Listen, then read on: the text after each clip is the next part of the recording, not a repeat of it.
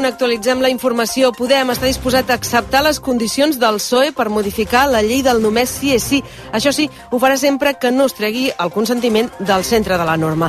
La secretària d'Estat, Àngela Rodríguez, secretària d'Igualtat, lamenta, però, que els socialistes estan encallant les negociacions. Ho ha dit el Via Lliure de RAC1. Hemos hecho seis propuestas diferentes. Seis.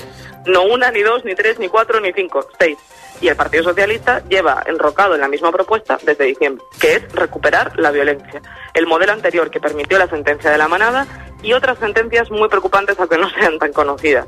Eh, Creemos mm. que hay margen para la negociación y no me cabe duda que vamos a llegar a un acuerdo, pero hay que esforzarse un poco más.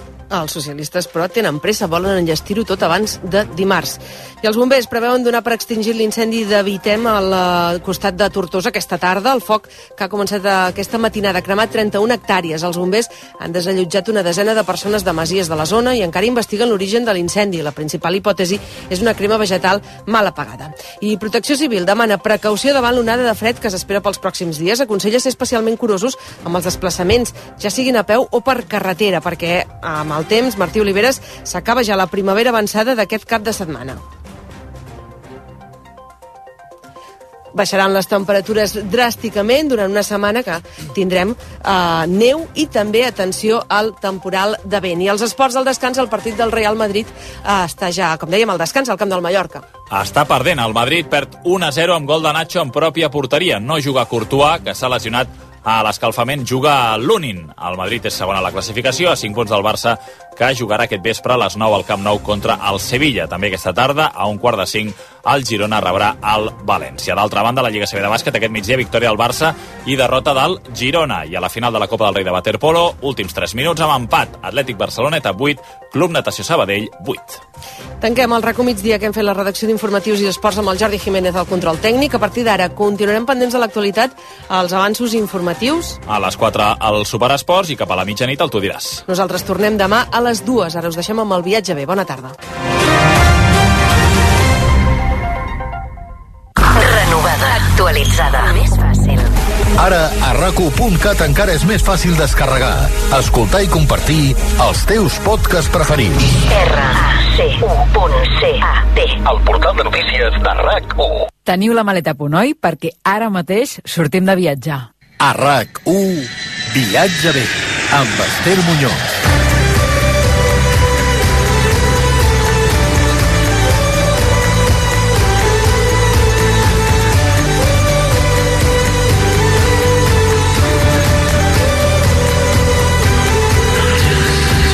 Bona tarda i benvinguts al programa de viatges de rac Avui tornem a sortir en diumenge perquè ahir dissabte de 3 a 4 al nostre horari habitual es va jugar l'Espanyol Osasuna. I avui el primer que farem és portar-vos fins a una part d'Itàlia molt desconeguda, la regió del Friuli Venezia Giulia, que a partir del proper 31 de març i fins a finals d'octubre tindrà dos vols setmanals directes amb Barcelona. Una connexió que opera la companyia Ryanair i que ens permetrà sortir de la capital catalana i en només dues hores aterrar a la seva capital, a Trieste, per descobrir doncs, aquest territori italià més nord-oriental, una de les zones amb més potencial turístic del país. Una destinació perfecta per a qualsevol tipus de viatger, amants de la gastronomia, del vi, aficionats a l'esport de neu o al senderisme i també entusiastes de la història. Aquesta setmana es va presentar a Barcelona aquesta novedosa oferta turística. Nosaltres vàrem assistir i de seguida us oferirem el viatge que ens va proposar una de les portaveus de la seva oficina de turisme. I després de recórrer aquest destí situat entre Àustria i Eslovènia,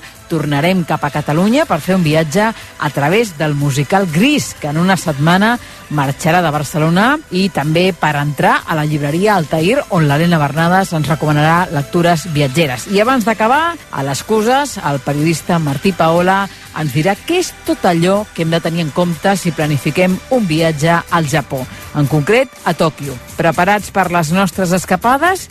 Doncs embarquem.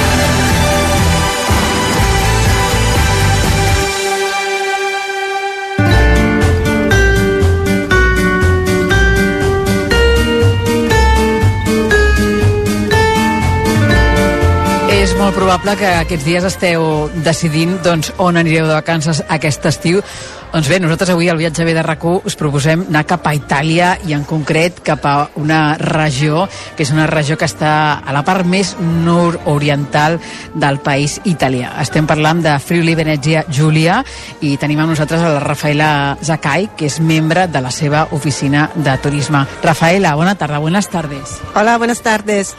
Estáis en Barcelona presentando un nuevo vuelo que a partir del mes de marzo todos los catalanes tendrán para viajar a vuestra región. Ya, ya es el nuevo vuelo de Ryanair que vas a empezar en el final de marzo para conectar Barcelona en Trieste.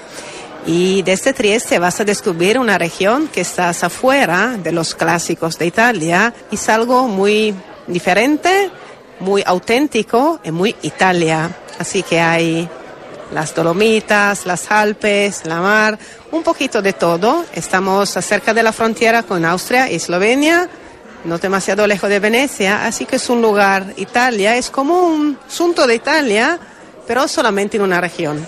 Está mm, a dos horas de Barcelona el trayecto. Correcto, correcto, correcto. Así, llegando también el aeropuerto es muy cerca de todo. En un viaje muy, muy corto vas a encontrar Trieste como media hora, Udine otro media hora, en 45 minutos a las Alpes. Así depende lo que te levante, dices, ¿qué me gusta hacer? ¿Me gusta esquiar? Pues ahora, que es invierno. ¿Me gusta pasear por la playa? ¿Me gusta salir a visitar bodegas en las colinas y probando los vinos blancos de la región? Depende lo que te gusta, hay todo. Llegamos desde el aeropuerto de Barcelona a la ciudad de Trieste directamente, por lo tanto esta es nuestra primera parada. Nos comentáis que es, es como una pequeña Viena, ¿no? Correcto. Correcto, es una pequeña Viena porque Trieste sube el puerto franco de los Habsburgo, así que la, arquite- la arquitectura es muy particular. No vas eh, esperando como una clásica ciudad italiana, pero sabe- vas a ver como una Viena pequeñita, pero con el mar enfrente. Y los lugares más icónicos, yo pienso que está Plaza de Unidad de Italia, que es la plaza más larga de Europa, enfrente al mar, más grande de San Marco en Venecia también. Imagina sentado tomando un cafecito y sin, sin olvidar que Trieste tiene un diccionario particular para ordenar el café. ¿Cuál es este diccionario? Bueno, si quieres ordenar un espresso, en Trieste vas a preguntar un nero. Y si necesitas un cortado, vas a preguntar un capo in B, que está como cappuccino en bicchiere, porque es como el cortado aquí, que vas a verlo en un vaso. Así que hay conexiones también, ¿no? Información importante antes de iniciar un viaje. Que solamente en esta ciudad, no vas a hacerlo en otra ciudad de Italia, así que es muy, muy local. Por cierto que Trieste es una ciudad importante a nivel cultural, sobre todo eh, a nivel literario, ¿no? Escritores como James Joyce estuvieron allí. Es una ciudad multicultural ya de demasiados años y también James Joyce estuve enseñante de inglés por la ciudad, como Svevo, como los crecidores italianos, traen inspiración en estos lugares de, encantadores de culturas, de mezcla que se encuentra en esta ciudad donde hay mar, hay alrededor Austria, hay Eslovenia, y toda esta cultura se encuentra en la ciudad. Así que es un charm particular. Tenéis también el Teatro Verdi. Es el Teatro Verdi, es un lugar como una pequeña escala, como es en, Milán. Para el teatro es una cultura muy fuerte. En, Trieste la gente os gusta salir por el teatro y hacer una noche en teatro como Dolce Vita Italiana, ¿no? Como óperas y cosas así. Rafaela, ya conocemos Trieste, eh, vamos a 20 minutos de la ciudad y encontramos un lugar imprescindible en este viaje, que es el castillo de Miramar. ¿Por qué es tan importante? Dicen que es uno de los más encantadores. Es un lugar encantador cada hora del día. Por la mañana, por la tarde, al atardecer es un encanto, es un lugar fantástico por los Instagram también. Pero es un lugar, es un museo ahora, es uno de los museos más visitados de Italia. Tiene un jardín increíble donde puedes pasear también, así por los grupos, por los amigos que quieren hacer un pequeño paseo y pues visitar el museo entre. Es el lugar donde la princesa Sisi solía estar por las vacaciones a Italia. Bueno, es un lugar precioso, ¿no? Sí, sí, hemos visto la- las fotografías y realmente es impresionante este castillo de, de Miramar. Después, para los oyentes que, por ejemplo, planteen un viaje ah, a esta región italiana, casi llegando al otoño, ¿no? Para el segundo fin de semana de octubre, tienen una regata que es la regata más larga del mundo. Es la barcolana, es algo inolvidable. La primera vez que la he visto estuve como 10, 10 años. Imagen todo el Golfo de Trieste lleno de barcos. Es algo increíble. Nació como una regada entre amigos. Vamos porque es octubre, es un día de sol y ahora es más de dos milas barcos en todo el Golfo. Es algo increíble. Hacia el blue del mar y estos puntos pequeñitos de barcos que es incantable. para tenerlo en cuenta. Vamos un poco más lejos. A 40 minutos tenemos la ciudad de un pintor, que es la ciudad de Udine. ¿Qué pintor? El pintor Tiepolo, Udine es una ciudad de estilo un poquito diferente. Desde Trieste es un estilo veneciano, con plazas, calles, plazas como aquí, donde la gente les gusta salir, tomar café, tomar aperitivo. Y es el lugar donde Tiepolo, que es un pintor que trabajó en Udine, en Venecia también, y uno de sus trabajos que están algo que, que nos encanta en la visita. Sigamos, sigamos eh, en esta ruta por eh, Friuli, Venecia, Giulia, en la ciudad de Gorizia. Eh, dicen que es eh, una pequeña ciudad berlinesa. Es una pequeña Berlín, ¿no? Porque es una ciudad que está entre dos partes. Gorizia es en el lado italiano y otro lado es Nueva, Nova Gorica, que es Eslovenia. Y esta ciudad que por la Guerra Fría estuvo un, una frontera muy fuerte, ahora es un lugar donde, de encuentro, porque en el 2025 Gorizia junto a Nova Gorica será la capital europea de la cultura. Así que esta Piazza Transalpina hay un lugar muy icónico donde puede sacar la foto que todos sacan, teniendo un pie Italia y otro a Eslovenia, y mirando que eso no es más un confín, no es más frontera, pero es algo de estar juntos y celebrar que es Europa. Un lugar de unión. Ya, absolutamente, ya. Para los eh, seguidores de Gaudí, que aquí en Cataluña somos muchos, ah, hay una escuela de mosaico que también hemos de visitar. Absolutamente. Bueno, aquí tenéis Gaudí, que es colores y cosas de energía total. En nuestro pequeño laboratorio está esta escuela de mosaico que el año pasado celebró 100 años de actividad. Hay trabajos y gente que va a estudiar aquí como de más 20 países en todo el mundo y trabajo de este artesanos están en todo el mundo puede empezando desde Roma hasta Nueva York y hay gente que estudia como tres años en la escuela y después será maestro mosaicista, así que es algo único. Hemos hablado de la cultura, vamos un poco con, con, el apartado naturaleza, ¿no? Para todos aquellos oyentes que quieran relajarse a, a las orillas de, de, las playas del Mediterráneo o del Adriático, recorrer Pirineos, Alpes, eh, también Dolomitas, eh, vuestra región eh, es un acierto, es un acierto, una, una buena elección a nivel de vacaciones. Haz un poquito de naturaleza de, de todos los gustos. Si te gusta pasear y hacer senderismo por las Dolomitas, ya está. Los Alpes también, si te gusta la bicicleta, podemos hacer como la, ruta mm, Alpe Adria. O también puedes salir por el mar, hacer como todos los deportes acuáticos. Y también toda la naturaleza es auténtica y está en lugar donde no hay turismo de masa. Así que vas encontrando la gente, tú puedes hablar con los locales y creo que eso es algo que deja un, extra value, como se dice, a tu vacación. Que no es un nombre, pero es parte de de algo. Sí, el lugar perfecto para apagar el móvil y desconectar y, y reconectar con la naturaleza que, que, que, tanto buscamos. Totalmente, tu ritmo de vida, de, mm, elegir lo que te gusta hacer, paseando por los espedos, por la... Entré con, uh, visitando todos los laboratorios artesanes y conectarse con el ritmo de la naturaleza, eso es. A ritmo lento y slow tourism, como es trendy now. Ahora en esta zona hay, mucha nieve, pero de cara al verano vamos a tener eh, lugares para visitar llenos de verde, como un monte muy encantador que tenéis allí. ¿Cuál es este monte? Es el Monte Lusari, que está cerca de la frontera con uh, Eslovenia y Austria. Es un lugar muy, para mí es muy icónico y representa lo que es la unión de, este, de esta nación que está cerca de Italia, de Austria y de Eslovenia. Y puede encontrar eso también en la mesa, en la comida, porque vas comiendo un plato de pasta italiano con cerveza de Austria y una grapa de Eslovenia. Y todo eso es encontrarse en la mesa también sin fronteras. A nivel gastronómico hay un lugar que vosotros recomendáis que es San Floriano de Colio.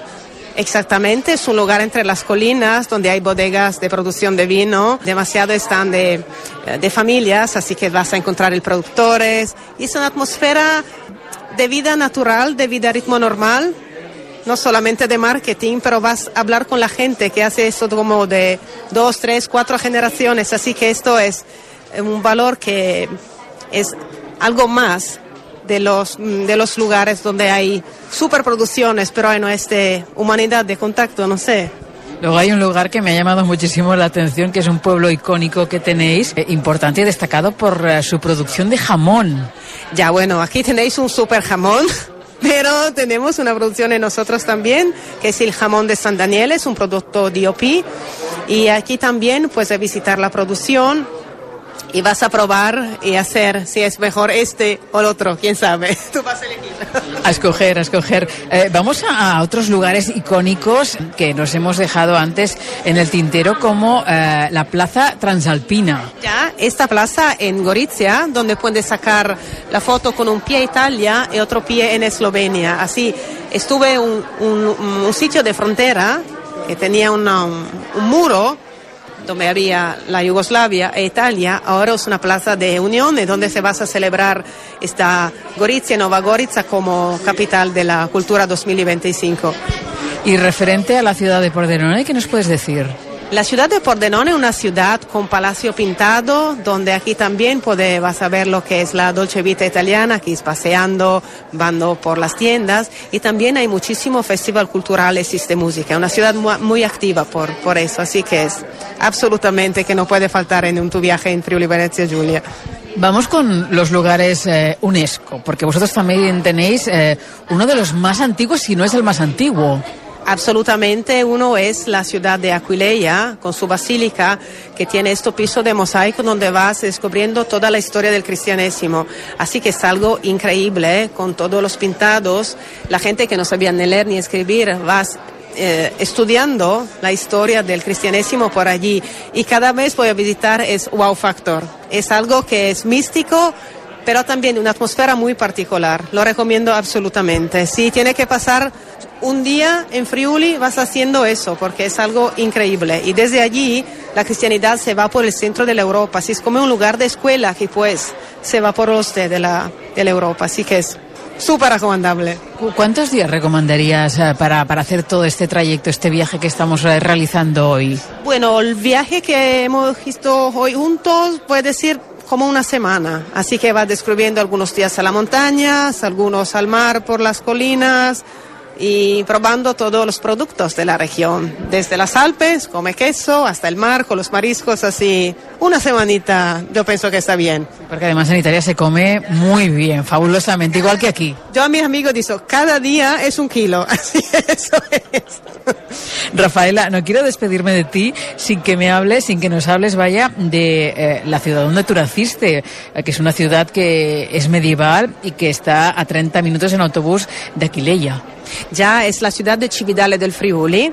Es una ciudad cerca del río Natisone y un, luego un sitio icónico es el Puente del Diablo, que hemos visto en la foto juntas, porque la gente de Cividale preguntó al diablo de construir este puente. El diablo ha dicho, no, no necesitáis.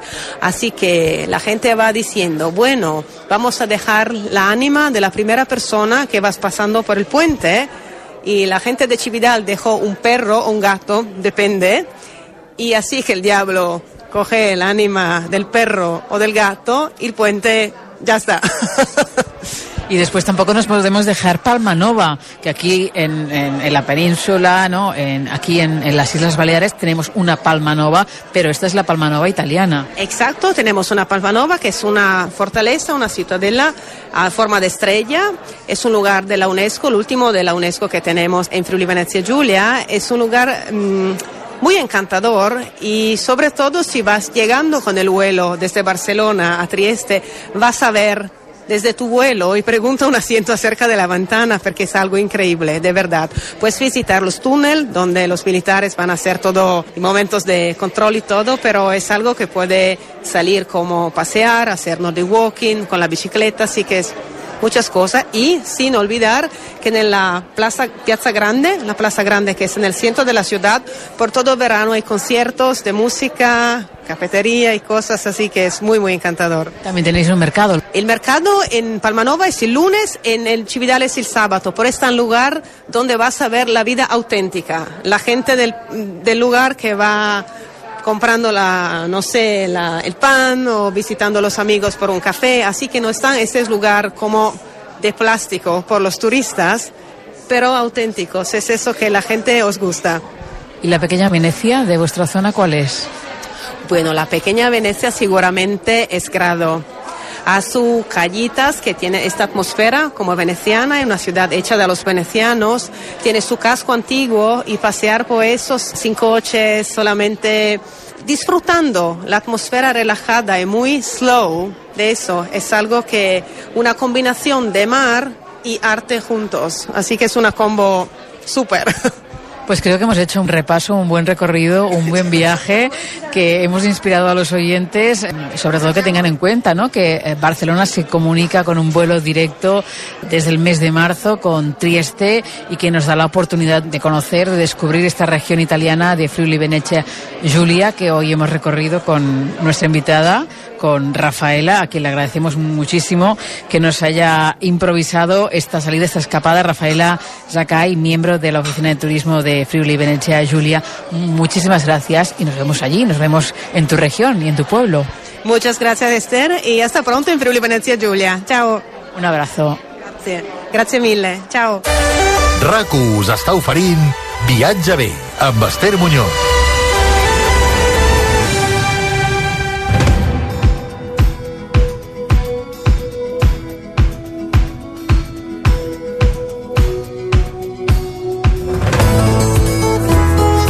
Fa uns dies l'Helena Bernades, la directora adjunta de la llibreria Altair, ens recomanava dos llibres en català de dos periodistes, el Manel Elias i el Xesco Reverter de TV3. I avui, Helena Bernades, bona tarda. Hola, bona tarda. Estic veient que a la llista has incorporat un altre periodista, un ex de TV3, en Jordi Llumparc, aquí. El van tenir de convidat i ens agrada molt també aquesta proposta. Sí, perquè a més és que tenim gent molt potent, tenim gent amb una capacitat narrativa espectacular i a més estan publicant llibres, o sigui que nosaltres agraïts i és un plaer poder-los llegir, és un, poder tenir, un plaer tenir-los a casa. Uh -huh. Aquest llibre que acaba de publicar el Jordi Llompart podria semblar que és una biografia del periodista i cineasta català, però és un llibre que està entre unes memòries i cròniques de viatge. Jordi Llompart s'obre en canal per fer-nos entrar en més de 30 anys d'històries i vivències i projectes que ha realitzat arreu del món. Sobretot se centra en la part més del continent africà i Sud-amèrica. Viatges en Cabo, que és el títol que li ha donat el llibre que publica Columna Editorial. Cabo, de fet, vol dir somni en llengua buximana.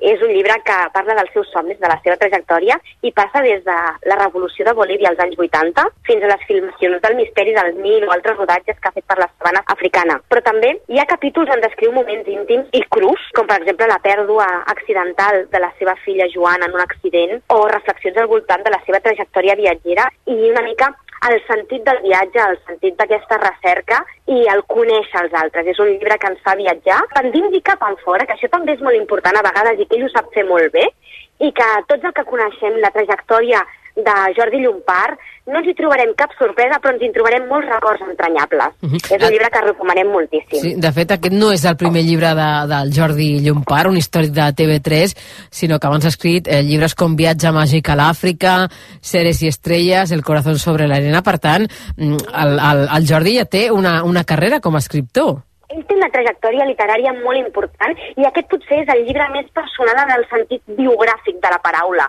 No és el llibre més literari, però sí que és el llibre que ens deixa entrar més amb ell mateix i en veure una mica l'evolució del Jordi Llompart des de ben jove fins a qui és ara mateix. Els altres potser tenien un caire més de relat de viatge pròpiament dit, i aquest potser és un viatge cap a qui és en Jordi Llompart. Uh -huh. A més a més, un llibre que eh, també l'ha presentat, no?, a la vostra llibreria, també ha passat per aquí. Sí, vam tenir el plaer de tenir-lo ple de goma a goma aquí a la llibreria presentant el llibre i, bueno, i esperem que aquest Nadal també segueixi venint. Ell és president de la Societat Geogràfica Catalana, que es troben un cop al mes aquí a la llibreria per presentar propostes d'arreu del món i col·loquis sobre diferents territoris. Llavors, el seguim tenint per aquí, és a dir, que qui vulgui signar tenir el llibre signat, pot passar-se per la llibreria, que un cop al mes tindrà cita amb ell. Molt bé. Doncs eh, animem els oients a passar-se per la llibreria en, en les vostres presentacions i a adquirir llibres com aquest del Jordi Llompart, que, que també ens va acompanyar aquí al Viatge bé la temporada passada, parlant d'aquest càrrec com a president de la Societat Nova Geogràfica, perquè el Jordi, la veritat és que és un home molt compromès mm, amb tot el que són els viatges i sobretot els viatges sostenibles. Exacte, sí, és una mica la, la nova vessant aquesta del nou viatge que ell promociona i que nosaltres som 100% afins amb aquest projecte de viatjar sí, però tenint en compte qui són els que ens reben i que sigui una, una aposta a futur, que no sigui una aposta només a curt termini. Sí, sí, és un, com diu ell, la, la National Geographic catalana, una miqueta. A, a, això és el que intentem, això és el que intentem. Uh -huh. um, Helena, hem començat amb la proposta del llibre del Jordi Llompart, Viatges d'en Cabo, publicat per Columna Editorial. Quina és la segona proposta que ens recomanes avui? Seguim una mica també amb la dinàmica del continent africà, tot i que l'altre no és única i exclusivament d'aquesta zona, però aquest crec que és un llibre molt potent que ens parla de Sud-àfrica, publicat per l'editorial Les Hores. Demon Galgut, sud-africà, ha guanyat infinitat de premis gràcies al títol La promesa, on és una novel·la, mm, novel·la però més real que novel·la, on ens parla de la història dels últims 40 anys del país sud-africà, narrat des d'una família blanca de les afores de la ciutat.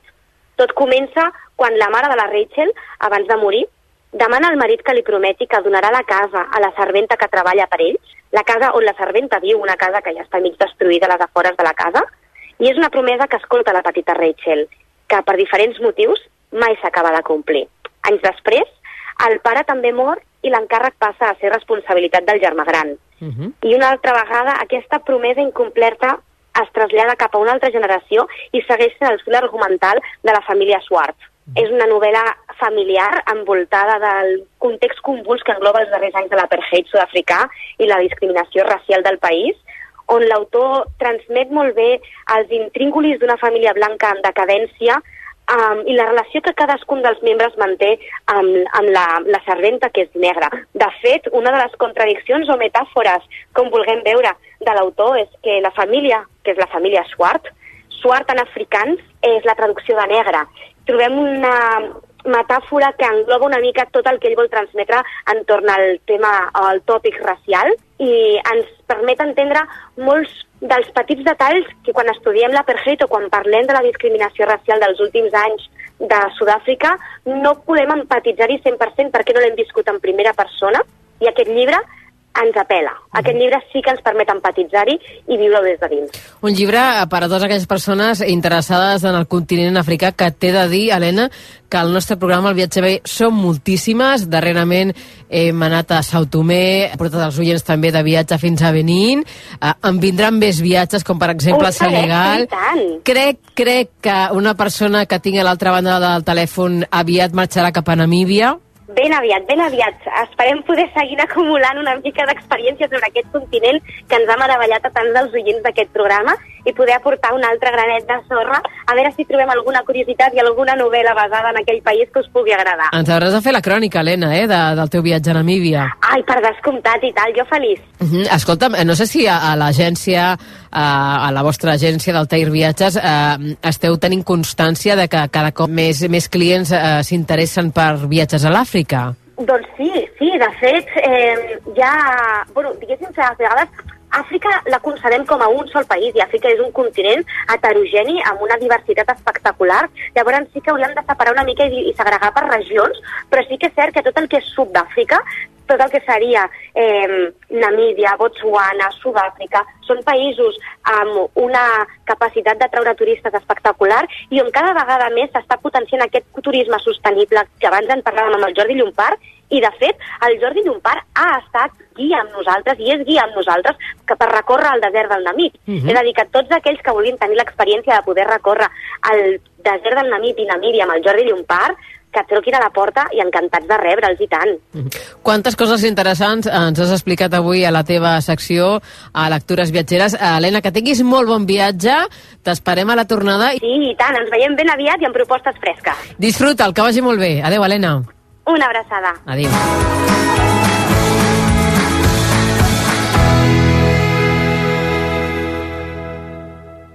RAC més presenta Emili Solsona, jubilat. Somos un equipo de investigación desde famosa ya, con el laureano, que es, es mi, mi aprendiz. Eh, Somos eh, un equipo de investigación policial urbana. I Laureà Lledó, 40 anys i vivint amb els pares. A les 22.03, al carrer Valladolid del barri de Sants de Barcelona, una dona va cridar molt fort. Tots dos formen un equip d'investigació criminal que busca casos on no n'hi ha. Ya sé lo que haces con tu mujer cada noche. tranquila. ¿Eh? Cuando subes borracho. ¡Que me lo han dicho los vecinos! Si no ve. Què diu, home? Eres vine cap aquí! Eh, eh, eh, eh! eh. eh. Eh. Crits, un podcast que posarà foscor a la llum. Cada setmana un cas a l'app de rac i a rac I divendres, la resolució al versió rac Crits, amb el suport d'Òptica i Audiologia Universitària per a joves d'una cent anys. Endinsa't en l'origen dels vins negres del Penedès amb la nova selecció de vins de gourmet La Vanguardia. Noir Prínceps de Canals i Moner, Mas d'Aranyó de Segura Viudes i el Bru de Tardor de Cava Rovellats. Sis vins negres valorats en 79 euros ara per només 49. Compra'ls a gourmetlavanguardia.com. Patrocinat per Cartox. RAC 1 Coneixeu la profecia del déu azteca Xuclamelamol, fill de Nola Xuclistan? Diu així. A les 12 del migdia, de dilluns a divendres cada dia, un tal Andreu i un tal Dalmau sortiran plegats el cau. La competència. De 12 a 1 amb Òscar Andreu i Òscar Dalmau. El cau s'ha d'interpretar com la ràdio, que encara no s'havia inventat, estava a punt d'inventar-se, faltaven uns segles. Misteris so. RAC 1. Tots som 1. RAC més 1 presenta Kilòmetre Vertical, el podcast sobre esports de muntanya amb Xavi Alujas. A Kilòmetre Vertical coneixeràs històries particulars, reptes personals, esports, natura i aventura. Va ser dur perquè vaig estar 10 dies sol a temperatures molt baixes, menys 15, menys 20, però em vaig mantindre fort. La muntanya és la gran protagonista a Kilòmetre Vertical per aprendre a gaudir-la i respectar-la. Les experiències serveixen com a aprenentatge. Kilòmetre Vertical, el podcast sobre esports de muntanya a RAC més 1. Escolta a l'APP de RAC1 i a rac1.cat. Amb la col·laboració de Comut, l'aplicació mòbil per a la navegació i planificació de rutes. RAC 1. Aquest 2023 tornem amb més força que mai. Shakira o Piqué? Estic cansat de parlar del Shakira i el Piqué perquè he aconseguit ajuntar dos autònoms que som un pare i un germà venir des de Valls a veure-us i i ens no hem me- menjat la competència parlant de la Shakira i hem menjat... I amb un públic més exigent que mai. Si els senyors dels torrons Vicenç ens estan escoltant, acabeu de guanyar tu, el teu pare i l'altre autònom tres lots de torrons Vicenç. Cada dia, d'una a dues, a RAC 1. Jo no sé on collons els traurem. Sí, sí, Joel, no miris així, ara en parlem amb, no sé, amb l'autoritat competent. El que li hagi quedat, els hi caducarà que ho portin abans de que es faci bé. Vostè primer, amb Marc Giró i companyia. RAC 1. Tots som 1.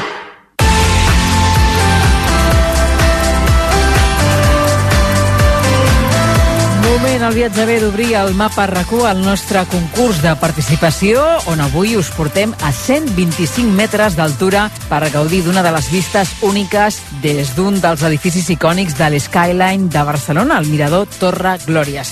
Per això posarem en joc una entrada doble per aquest mirador, una invitació doble per descobrir la ciutat amb uns altres ulls i visitar també l'hipermirador a la planta Menjú, la planta 30 i les seves vistes panoràmiques en 360 graus i també l'escultura transitable Cloud Cities Barcelona suspesa a la cúpula de la torre. Al mirador Torre Glòries trobareu en un sol espai art, ciència i tecnologia. Per participar, només us demanem que ens seguiu a Twitter, a l'arroba viatjabé, feu retuit el missatge que publicarem i etiqueteu la persona amb qui aniríeu al Mirador Torre Glòria, si sou els afortunats, també a Facebook, a Instagram o enviant-nos un correu a l'adreça viatge arroba raco.net i sobretot explicant-nos quin és el lloc més alt del món on heu pujat durant un viatge i que ens expliqueu quines sensacions vareu viure dalt de tot. Entre tots els missatges rebuts, la setmana vinent farem el sorteig i un o una de vosaltres s'emportarà aquesta entrada doble pel Mirador Torre Glòries de Barcelona. Participeu tants cops com vulgueu i molta sort a tothom. RAC1 us està oferint Viatge bé amb Esther Muñoz.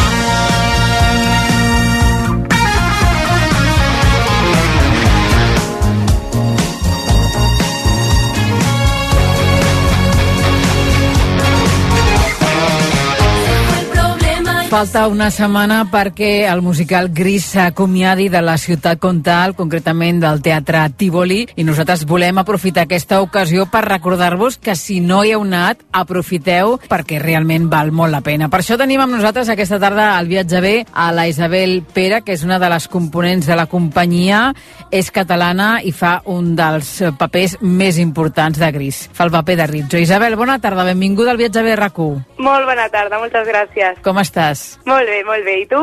Bé, doncs mira, eh, molt contenta de parlar amb tu i de conèixer una miqueta doncs, com és la vida, el dia a dia de tota la gent que treballeu en aquest musical, que a més a més hem de dir que tu ets de Barcelona, per tant m'imagino que et deu haver fet molta il·lusió estar aquestes setmanes aquí a la teva ciutat. Sí, sí, tant. Per mi, quan ens ho van dir que anàvem cap a Barcelona amb, amb aquest projecte, va ser, va ser increïble. De fet, o sigui, ha sigut com una oportunitat a que tota la gent que em coneix des de molt petitona ha pogut venir i ha sigut superguai. Bueno, està sent superguai. Ens queda una setmana i, i fa paneta, però Clar. bueno.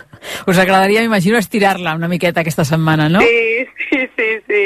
Veníeu de Madrid. Sí, venim de Madrid, que vam fer tota una temporada al Teatre Nou Alcalà i va, va anar molt bé, o sigui, va anar superbé perquè, bueno, Gris és un musical que amb el mateix nom ven sol. O sigui, tothom té ganes de Gris i va ser increïble. Va anar superbé. I ara què? Ara quan deixeu la ciutat comtal, què passa amb aquest musical? S'atura? El reprendreu? Fareu gira? Què succeirà? Doncs mira, a l'acabar el 12 de febrer um, no en sabem res. De moment no en sabem res, però desitgem i esperem que hi hagi una gira perquè la resta d'Espanya pugui gaudir d'aquest musical i bueno, això esperem que sigui una gira llargueta. Perquè M'imagino que vosaltres deveu estar tot el dia amb la maleta preparada eh, per anar amunt i avall, no?, en aquesta professió teva. Sí, sí, i tant, i tant, i tant. O sigui, és veritat que, bueno, en el meu cas, que jo soc de Barcelona, al moment en què em van dir que, que tenia que anar-me'n cap a Madrid a fer el musical va ser com, vale, ara has de deixar tota casa teva, tota la teva família i t'has d'anar sola a Madrid. O sigui, va ser com un gran canvi en la meva vida, però bueno, és que el món del musical és així. Si vols treballar, t'has d'anar a Madrid i anar a viure allà, perquè els musicals estan allà. Era el primer cop que anaves a Madrid? Sí, sí, sí. Jo tenia 16 anys quan vaig fer el càsting, era molt petita, i amb 17 em vaig anar a viure allà sola i fins ara que tinc 21 anys. Mm. És una de les coses que crida l'atenció, no?, d'aquest espectacle, que sou tots molt joves. Com és? Sí, sí, sí, va ser una de les propostes que van fer els productors del musical que fos que els actors tinguessin l'edat dels personatges. És una cosa que no s'ha fet mai i és una cosa que a mi, per mi, és, és espectacular. Dona una, una vitalitat al musical espectacular. O sigui, veure l'energia de veritat d'uns adolescents a sobre d'un escenari és espectacular. Ho és, ho és, sí, sí. sí. I escolta'm una cosa, tu eh, havies vist ja la pel·lícula, la coneixies, eh, l'havies Sí. viscut, sí? I tant, i tant. Eh, jo és una pel·lícula que, bueno, és això, que te la posava la teva mare o el teu pare quan eres petita i, i sempre la veia i, i per mi era la Rizzo, que és el personatge que faig, per mi era el millor i tinc la sort de poder fer-lo i, i bueno, per mi segueix sent una de les meves pel·lícules preferides, sens dubte. Per què? Per què és eh, la millor, la Rizzo? perquè jo crec que és, és, és com un, un personatge molt empoderado, saps, per així dir-ho, però a la mateixa vegada té la part vulnerable, saps? I jugar amb aquest contrast és, per, per mi com a actriu, és, és, és espectacular i a part que té una cançó maquíssima, que és el There Was Since I Could Do, que és, o sigui, la partitura del, de la cançó és espectacular. I també que és com la, la més canyera, és com... Bueno, tots els, tots els personatges en, de Gris tenen com petites coses que els fan com molt especials. Però la Rizzo per mi era com... Em, em va marcar molt, em va marcar molt. Després també aquest any ha estat un, un any important, no?, perquè eh, es compleixen eh, els 50 anys de, de la pel·lícula i també per, per la pèrdua de, de la protagonista, no? Sí, sí, sí. Fa 50 anys que es va estrenar el musical a Chicago, perquè no sé si això ho sabies tu, però abans de la pel·lícula es va fer el musical en versió teatral i es va estrenar a Chicago i després van estrenar la pel·lícula amb Olivia i amb John Travolta i es va fer famosa, o sigui, abans no tenia tanta importància com va tenir amb la pel·lícula. I és molt fort que després de 50 anys, bueno, ara 52, eh, encara segueix sent un dels musicals més importants que hi ha en la història. Parlem una miqueta de, del, dia, del dia a dia, no?, i d'aquest viatge mm, musical que feu a diari doncs, tots els, els membres de la, de la companyia, no? Sou una vintena d'intèrprets, no? D'on d'on venen cadascun d'ells? Doncs mira, hi ha, hi ha gent de tot arreu, de tot arreu. Hi ha... T'he de dir que medio elenco és a Barcelona, eh? Sí? sí, sí. Eh, la meitat del, de l'elenc és, és català. I l'altra meitat? Um, I l'altra meitat són alguns de València, uns altres de Madrid, um, uns altres de, de, de Burgos, o sigui, hi ha de tot, hi ha de tot. Uh -huh. Però és veritat que el, el que fa de protagonista amb mi, el Jan Buixaderes, que fa de Keniki, també és català, i la Mia Larrer, que és la que fa de Sandy, també és catalana. També, també. Predominen els catalans. I pel que fa a la banda de músics en directe, que també és una peça primordial, Uh -huh. ells també van i, i venen amb vosaltres? Han estat a Madrid i han vingut també a Barcelona? A Madrid vam tenir uns, uns altres músics. Vam tenir uns músics que estaven, eh, que estaven al projecte anterior de Son Produce, que va ser Billy Elliot, i van venir amb nosaltres a Gris. I aquí a Barna eh, han vingut uns altres músics que també ho peten moltíssim i són increïbles, però no sé si de moment, després d'acabar eh, aquí a Barcelona, vindran amb nosaltres a el que vingui després. Uh -huh. Esperem que sí, perquè són molt, molt bons. Uh -huh. Isabel, parlem una miqueta del teu viatge professional, no?, amb aquesta joventut que tens. Abans de Gris, què havies fet? Doncs mira, jo abans de Gris no havia fet res. O sigui, sí que m'havia format, però és el primer gran projecte que faig professionalment. O sigui, jo em vaig formar a l'escola Coco Comín des de molt petitona, en ball, i després als 14 anys em vaig ficar en un curs de teatre musical, que es diu premusical, i em vaig formar a les tres disciplines, amb cant, interpretació i ball. I res, mm, un dia vaig arribar a l'escola, em va arribar el càsting i vaig dir, bueno, doncs som anem a fer-lo. I no havia fet mai res. Has començat ben amunt, eh? Sí, sí, sí, la veritat Perquè que sí. no només a Gris, sinó amb un paper com la Rizzo. Sí, sí, sí, sí, estic molt agraïda. Uh -huh. I ara, quan, quan tot això acabi, cap a quina direcció vols anar-hi? Doncs mira, jo, si Déu vol i, i, i puc viure d'això, doncs m'encantaria seguir fent musicals, perquè és el que de veritat m'omple, i la meva meta, com així dir, el meu somni és fer Wicked el musical, que és un musical que es va estrenar a Broadway fa molts anys, i, i fer el paper de la bruixa dolenta, que és el meu paper somiat. Escolta'm, uh, has estat a Broadway? Sí, sí, sí. Jo he viatjat, he, he tingut la sort de viatjar bastant, sobretot per veure molt la cultura de cada, de cada país i de cada ciutat i de tot arreu, que m'agrada molt, i a Broadway pues, vaig aprofitar per veure musicals, que és el que m'apassiona, i, i sí, vaig veure aquest musical que es diu Wicked i em va canviar la vida, sincerament. Som en un programa de viatges i una miqueta també el que volem conèixer és això, la teva faceta viatgera, no? A part d'Estats Units, on més has estat? Jo, jo he viatjat molt, m'agrada molt viatjar. He estat a Londres, he estat al Japó, he estat a, a Àfrica, he estat a Nova York, he estat a Los Angeles... Mm, eh, és que m'agrada molt viatjar. Molt, molt, Déu-n'hi-do, quin currículum, Sí, sí. eh? Però això Sí, que és de sí, sí. tradició familiar, això... Bueno, sí. Quan has començat De a viatjar? familiar. Pues, um, de petitona ja viatjàvem bastant amb la meva família per, per, per, de vacances i de d'estiu i, i mai ho hem deixat de fer. És una cosa que ens, que ens, que ens agrada moltíssim, viatjar i conèixer la cultura dels altres països i dels altres continents i, i, és, i és meravellós. Uh -huh. I d'aquests viatges que has fet, el millor, quin seria? El millor... Mira, el que més m'ha sorprès va ser quan vaig anar a Tòquio. Sí, perquè per mi va ser com una cosa eh, super distinta a la que estic tan acostumada a veure. O sigui, és, és un altre món. Per mi és com si vaig aterrar al Japó i, i estava en un altre, en un altre planeta, perquè vivien d'una manera totalment diferent a la nostra. Era espectacular. Tothom ho diu, això, eh? Sí, sí, eh? Sí, sí. Realment impacta, no?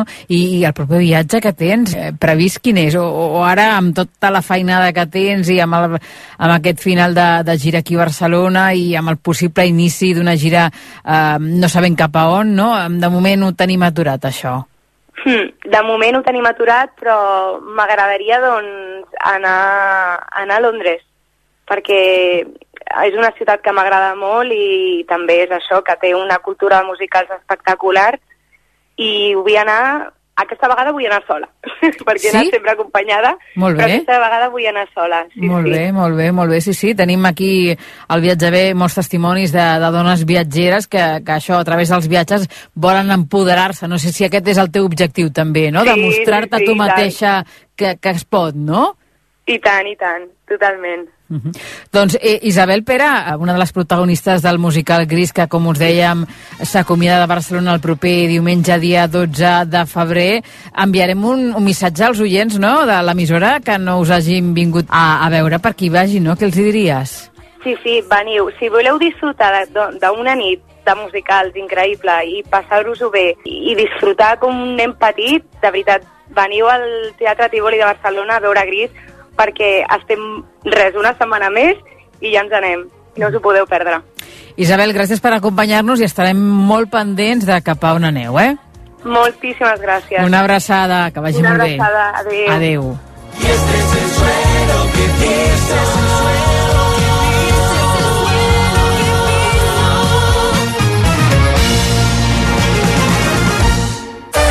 Descobriu la millor manera de viatjar a Viatge B.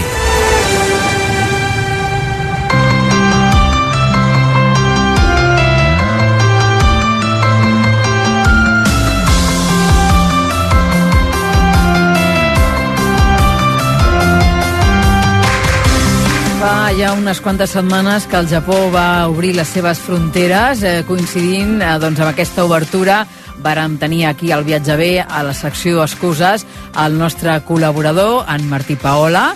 Aquell dia doncs, ens va fer com una introducció, sobretot eh, ens vam centrar en Tokio, ens vam quedar mitges i avui el Martí ha tornat aquí al Viatge B, a les Cuses, per fer la segona part de Tokio. Martí, bona tarda, benvingut. Hola, bona tarda. Com estàs? Bé, m'he animat amb ganes de reemprendre aquest viatge que vam iniciar a la ciutat de Tòquio fa unes setmanetes i que, per qüestió de temps, doncs vam haver de partir amb, amb dos trossets, no? Recordem una miqueta grans trets el que vam explicar a l'anterior secció, un petit resum del que vam dir.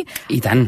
Doncs mira, eh, vam recomanar mm, veure la ciutat des de les altures i que per l'ocasió calia que es dirigissin als nostres eh, oients a punts de referència com el propi Ajuntament de, de la ciutat de Tòquio.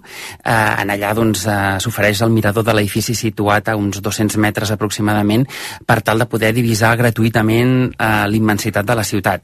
I també es van proposar altres alternatives, això sí ja de pagament, com són la Tokyo Sky Tree i la rèplica de la Torre Eiffel, la, la Tokyo Tower, eh, que són dues torres que evidentment ja passen a ser símbols de, de la ciutat i que eh, des d'allà doncs, realment te n'adones de, de la magnitud de la ciutat de, de Tòquio, que no és una ciutat qualsevol, sinó que eh, es pot veure i palpar que és una de les ciutats més grans del món. Les alçades són molt importants, eh? Sí, sí, tot cal veure-ho en, en perspectiva. Segurament eh, és una de les coses que més, que més impacten, eh, eh, aquesta imatge, perquè veus eh, que queda molta ciutat no?, per veure, per molt que interès que li puguis veure, que li puguis en, depositar, doncs hi ha molt per veure i realment és així. Nosaltres també ens vam centrar a aquell primer programa en, en veure a Sakusa, que és una de les zones així més turístiques, en allà hi ha un dels temples més famosos de la ciutat i des d'on s'obtenen doncs, les fotografies més icòniques, juntament amb el carrer Nakamise, que és un, uh, un dels carrers també més transitats per als turistes perquè hi ha un dels mercats uh, més uh, famosos en productes típics i souvenirs de la ciutat de, de Tòquio. I entre um, alguna coseta més també vam recomanar el Mercat del Peix, l'anomenat ara mm, Toyoso, Mhm. i que substitueix el desaparegut Tsukiji, una llotja sobredimensionada, on ara té cabuda l'activitat comercial de les subhastes dels pescadors i els majoristes amb l'afluència de públic. Amb l'anterior mercat, doncs, una cosa, una activitat eh, feia nosa a l'altra i s'havien de respectar molt els horaris i això anava en detriment del visitant que anaven allà, que havia d'aixecar-se a hores intempestives per poder uh -huh. visitar-lo. Doncs ja tenim aquestes propostes. Eh, a partir d'aquí, què veurem avui, Martí? Doncs mira, eh, proposem començar aquesta segona part doncs, pel barri de Quijabara, que és una de les zones més recomanades per observar l'ambient juvenil i endinsar-se a la vegada en aquest, en aquest món, no? en el seu món. Un nucli on la tecnologia està present en els diferents centres comercials que s'hi allotgen, però sobretot destaca per la gran quantitat d'establiments dedicats al món dels videojocs, l'anime i, els que, i el que s'anomena també els Maid Café, que són aquelles cafeteries on les cambreres van vestides com en el segle passat. Bé, una cosa que potser aquí nosaltres no acabaríem de veure amb els mateixos ulls que es veuen allà, però, en fi, tot forma part no, d'aquest món més friqui que hi ha al Japó i que en aquesta zona, que és la de Kihabara, doncs ens cridarà molt l'atenció veure la gran quantitat de cartells lluminosos i reclams visuals que, que hi ha per aquells carrers. Val la pena precisament per aquest motiu, per la gran quantitat de reclam visual que hi ha, visitar-lo quan cau la nit, que al Japó no cal esperar a les 10 de la nit, sinó que a les 5 de la tarda ja ho és de, de totalment fosc i és un, un impacte visual molt, molt interessant. I si us sembla, de Kihabara podríem creuar la ciutat i anar a l'altre extrem on te trobaríem el luxe. On està exactament? En quin extrem? Doncs això és la, la zona coneguda com a Roppongi, una de les més cares i luxoses de la capital japonesa i fins i tot allà on estan situades la majoria d'ambaixades de, de, de tot el món, l'espanyola sense anar més lluny. Allà s'allotja bona part dels museus d'art més prestigiosos i on trobem un munt de restaurants estrelles Michelin. Una zona caracteritzada per edificis alts, ja res a veure amb, amb el tradicional edifici japonès, i on hi ha la seu de moltes empreses eh, corporatives. Roppongi, com compta amb sucursals de prestigioses marques de moda, diversos museus que són realment interessants per al turista i que estan relacionats amb l'art. Una passejada per aquest sector de la ciutat també ens servirà per adonar-nos que a Tòquio també existeix el vessant més luxós, palès en la fisonomia de l'entorn urbà i sobretot en el vestuari dels japonesos que hi transiten. Eh? Uh -huh. Si ens hi fixem, no?, amb detall, veurem que tot això, a l'hora de la veritat, aquest luxe també el porten ells a sobre, eh, d'alguna manera. Per cert, Martí, crec que he llegit que, que els japonesos tenen molta cultura pels banys i també per l'aigua. Sí, sí, en efecte, els japonesos tenen molta cultura de la higiene i això té molt a veure amb la relació tan estreta que guarden amb els banys.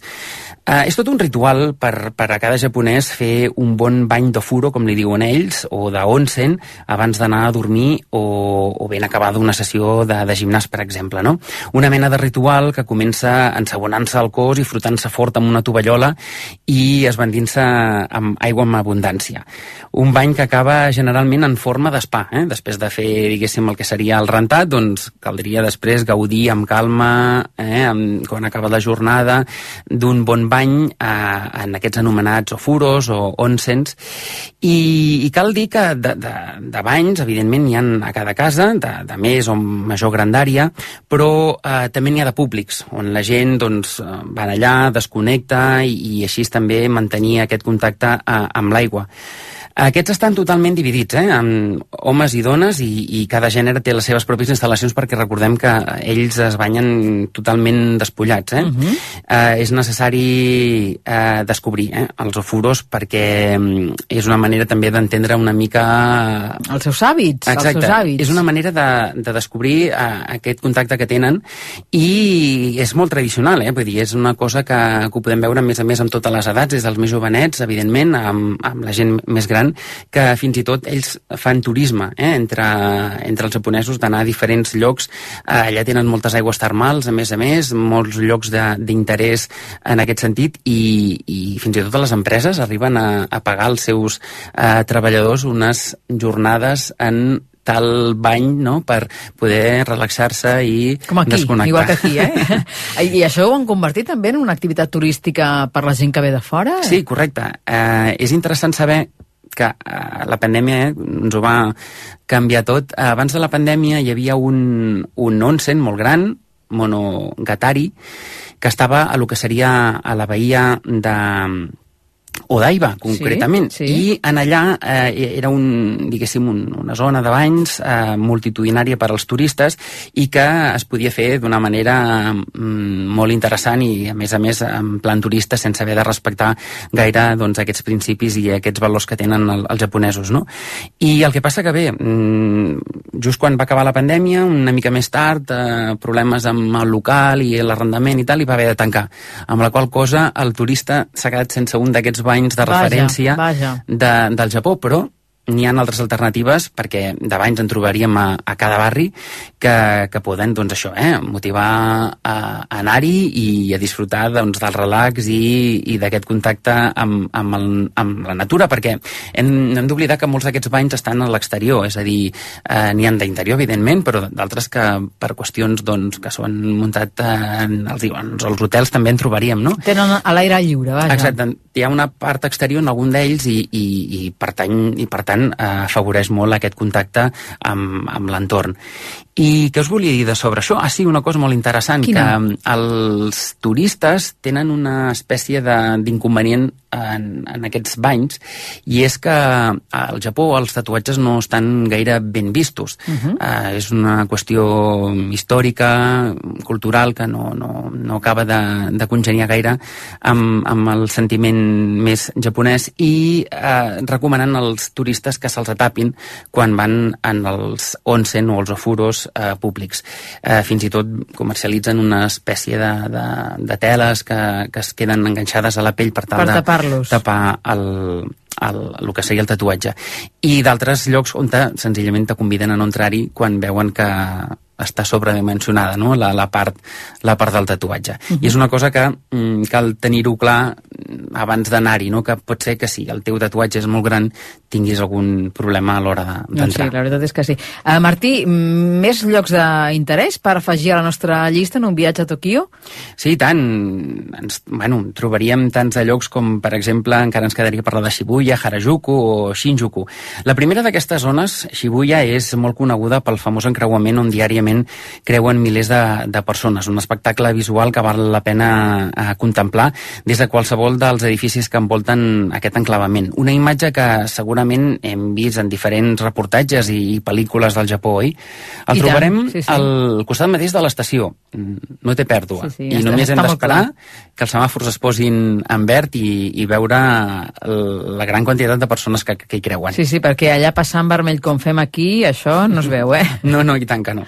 Martí, ens deies que també és recomanable una visita a Harajuku. Sí, Harajuku és, és un altre dels punts on aquelles persones que busquin el, la part més friki i otaku de, dels japonesos doncs eh, tenen aquí un paper molt, molt interessant. Es tracta d'una zona on també trobarem comerços dirigits a perfils molt concrets i on trobarem abundància de, del que s'anomena el cosplay, no?, pels carrers i parcs. A més, en aquesta zona, a part de ser un lloc interessant per comprar souvenirs i, i cosetes relacionades amb aquest món, també trobarem el, el Parc de Yoyogi, que és una de les àrees verdes més grans de la ciutat i on mereix la pena perdre-s'hi i descobrir alhora el santuari de Meiji. Uh -huh.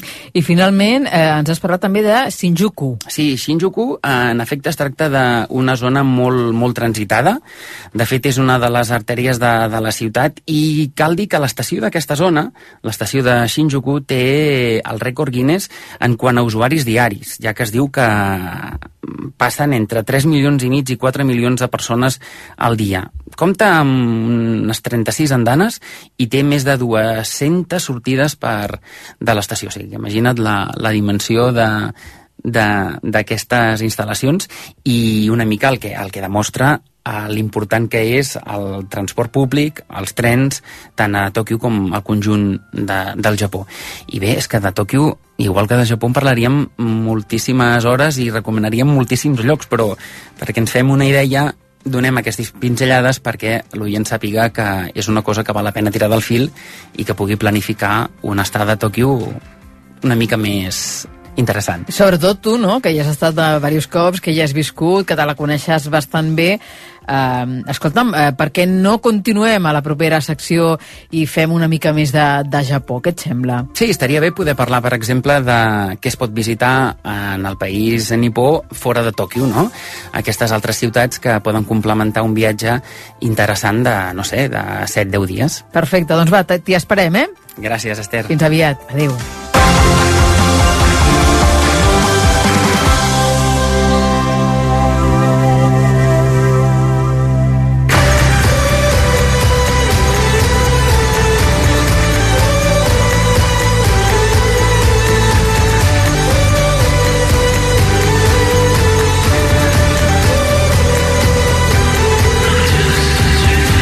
Fins aquí la nostra escapada dominical d'avui que ens ha permès descobrir un racó del món que desconeixíem, la regió italiana del Friuli Venezia Giulia, volar també fins a Tòquio i fer un viatge a través del musical Gris, a més a més de repassar alguns dels llibres que trobareu a la llibreria Altair de Barcelona. Salutacions meves i del Daniel Puntiprats a la realització tècnica que acabeu de passar un molt bon diumenge i ens retrobem la setmana entrant. Que vagi molt bé.